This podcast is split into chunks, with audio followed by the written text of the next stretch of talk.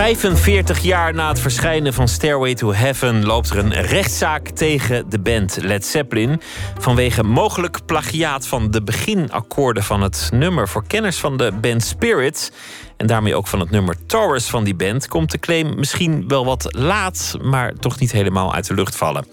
Een rechtszaak zal moeten uitwijzen of er opzet in het spel is geweest of niet. Matthijs Deen, onze verslaggever, ging op zoek naar het antwoord op de vraag of het mogelijk zou kunnen zijn dat Jimmy Page het nummer gestolen heeft zonder dat hij dat zelf weet, zonder dat hij daar een herinnering aan heeft.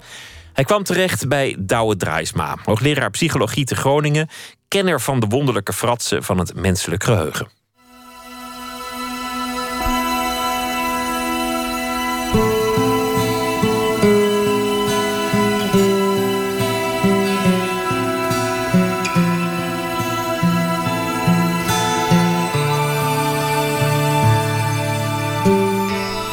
De gitarist Randy Wolf, Randy California...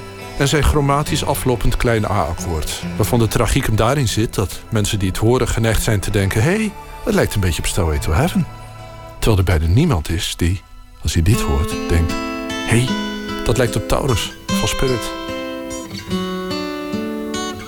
Zo verging het ook schrijver en kenner van het menselijk geheugen Douwe Drijsma die nota bene Spirit nog heeft zien optreden in Leeuwarden.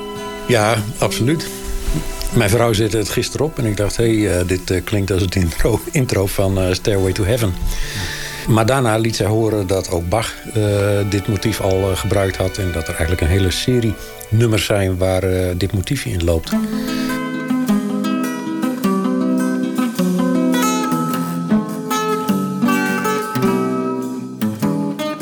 Dus dat maakt de vraag, uh, is hier wel sprake van jatwerk... of van twee onafhankelijke uh, muzici die daarmee aan het werk zijn gegaan? Hm.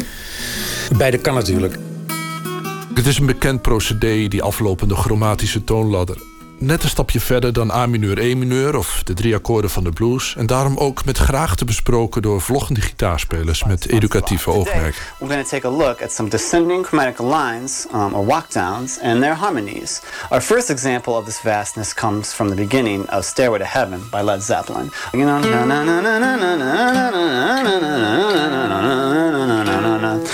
You know what it sounds like. Um, Je kan het ermee afdoen dat het een bekend procedé is dat velen hebben gebruikt. Maar dat is in dit geval net een stapje te kort.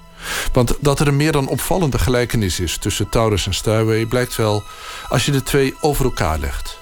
Taurus loopt een fractie langzamer dan Stairway, maar als je dat gelijk trekt, kan je in de eerste mate althans Spirit en Led Zeppelin, of als de gitaristen noemt Randy California en Jimmy Page, gezellig samen laten spelen in volle harmonie.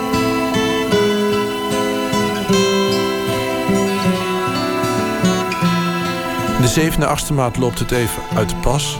Maar dan trekt het weer zes maten samen op.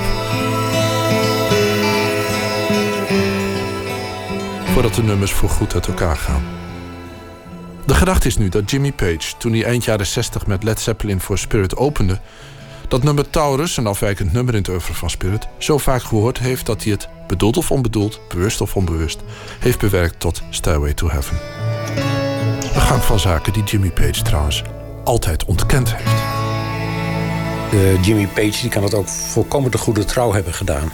Want iets overnemen van iemand anders... Uh, zonder dat je weet dat je het overneemt... ja, dat is nog niet direct een delict. Er is helaas een, uh, een uitvoerige literatuur over soortgelijke gevallen... waarbij mensen een nummer schrijven... en zich niet realiseren dat zij dat nummer ooit eens gehoord moeten hebben... Uh, bekendste voorbeeld misschien uh, George Harrison, My Sweet Lord.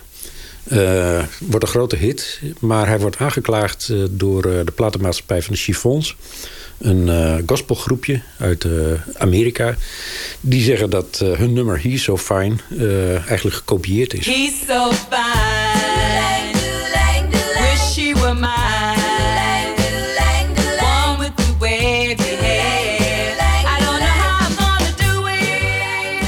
En helaas voor George Harrison, uh, hij heeft een half miljoen uh, moeten afrekenen. En op laatst was hij het zo zat dat hij die hele platenmaatschappij heeft uh, opgekocht. He's a soft-spoken guy. Also seems kind of shy. Freud heeft een keer geschreven dat hij bedacht had... en dat schreef hij in een brief aan een vriend... Dat ieder mens zijn leven begint als biseksueel. En dat pas later de uitsplitsing komt.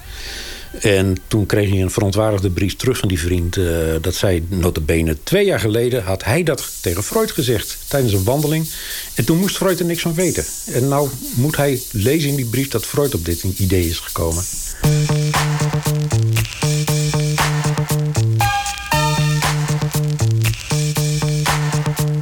Het heeft ook een naam. Het heet cryptomnesie.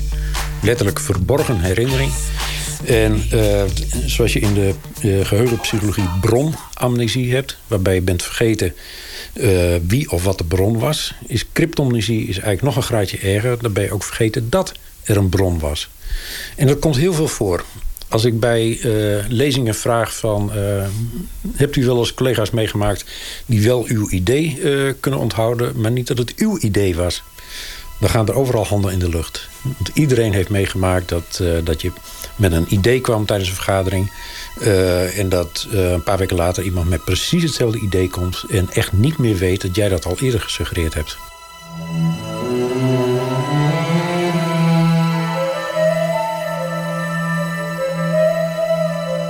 Heb jij een theorie over wat de herkomst van ideeën is? Of is dat allemaal samentuimelend toeval?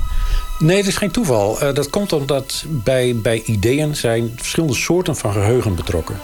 En die verschillende typen geheugen, daarin heeft de informatie, om zo te zeggen, een verschillende halfwaardetijd. Dus uit het enige type geheugen is informatie sneller verdwenen dan uit andere type geheugen.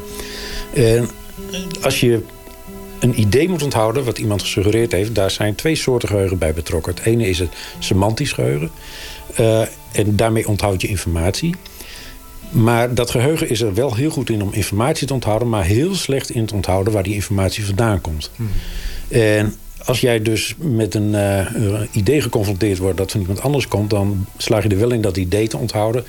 Maar dat het idee van iemand anders afkomstig was... dat, ja, dat, dat wordt eerder vergeten dan het idee zelf. Wanneer vindt iemand iets een goed idee? Nou ja, in onze tijd is met het idee van een idee wel verbonden... dat het jouw idee moet zijn. En dat is, uh, uh, daar maak je eigenlijk inbreuk op uh, zodra je de bron van iets vergeet en, en het laat voorkomen alsof het jouw idee was. Maar ik, ik, ik weet ook van, van dichters die het eigenlijk wel een, een iets moois vinden dat ideeën en titels en zinnen, dat die als het ware vervlochten kunnen raken in allemans gedichten. En er eerder een soort gezamenlijk kunstwerk in zien dan, dan, dan diefstal. Er bestaat een Afrikaans volk dat gelooft dat ieder mens geboren wordt als goed mens. Als goed mens met simpele verlangens. Verlangen naar veiligheid, liefde, vrede, geluk. Schreef een blogger in India.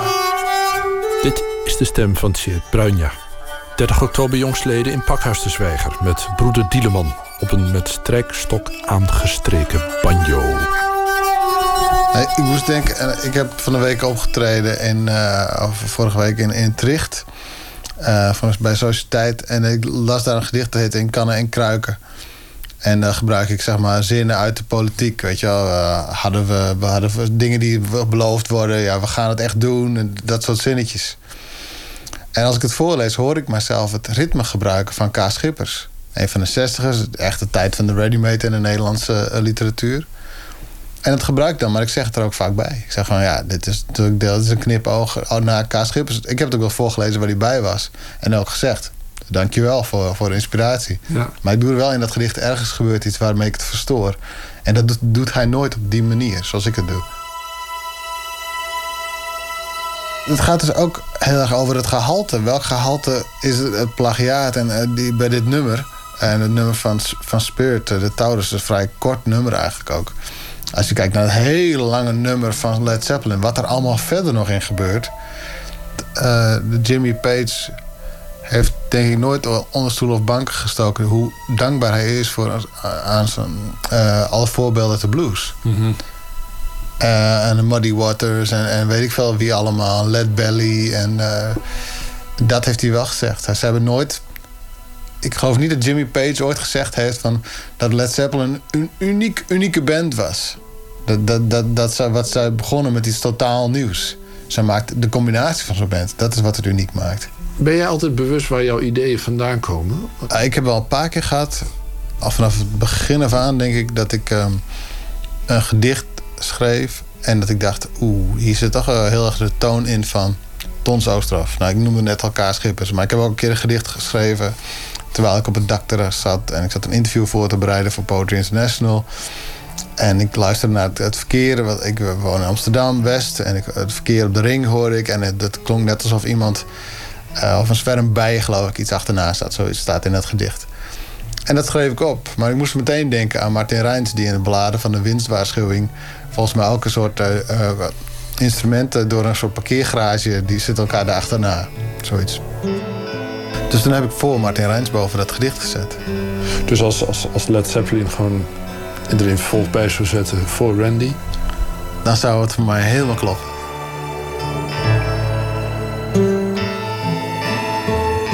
Gitarist Randy California van Spirit zou dat gebaar trouwens niet opmerken. Hij verdronk in 1997 in de zee van Hawaii... toen hij zag dat zijn zoontje van 12 gegrepen werd door een grondzee. Hij zag kans zijn zoon naar het strand te duwen... maar werd zelf de diepte ingetrokken. De rechtszaak is er ook niet aangespannen door hem... maar door de trust die zijn nalatenschap beheert. De baten van die trust gaan naar de Randy California Project. Dat is een initiatief dat er zich voor inspant... dat achterstandskinderen muziek leren maken.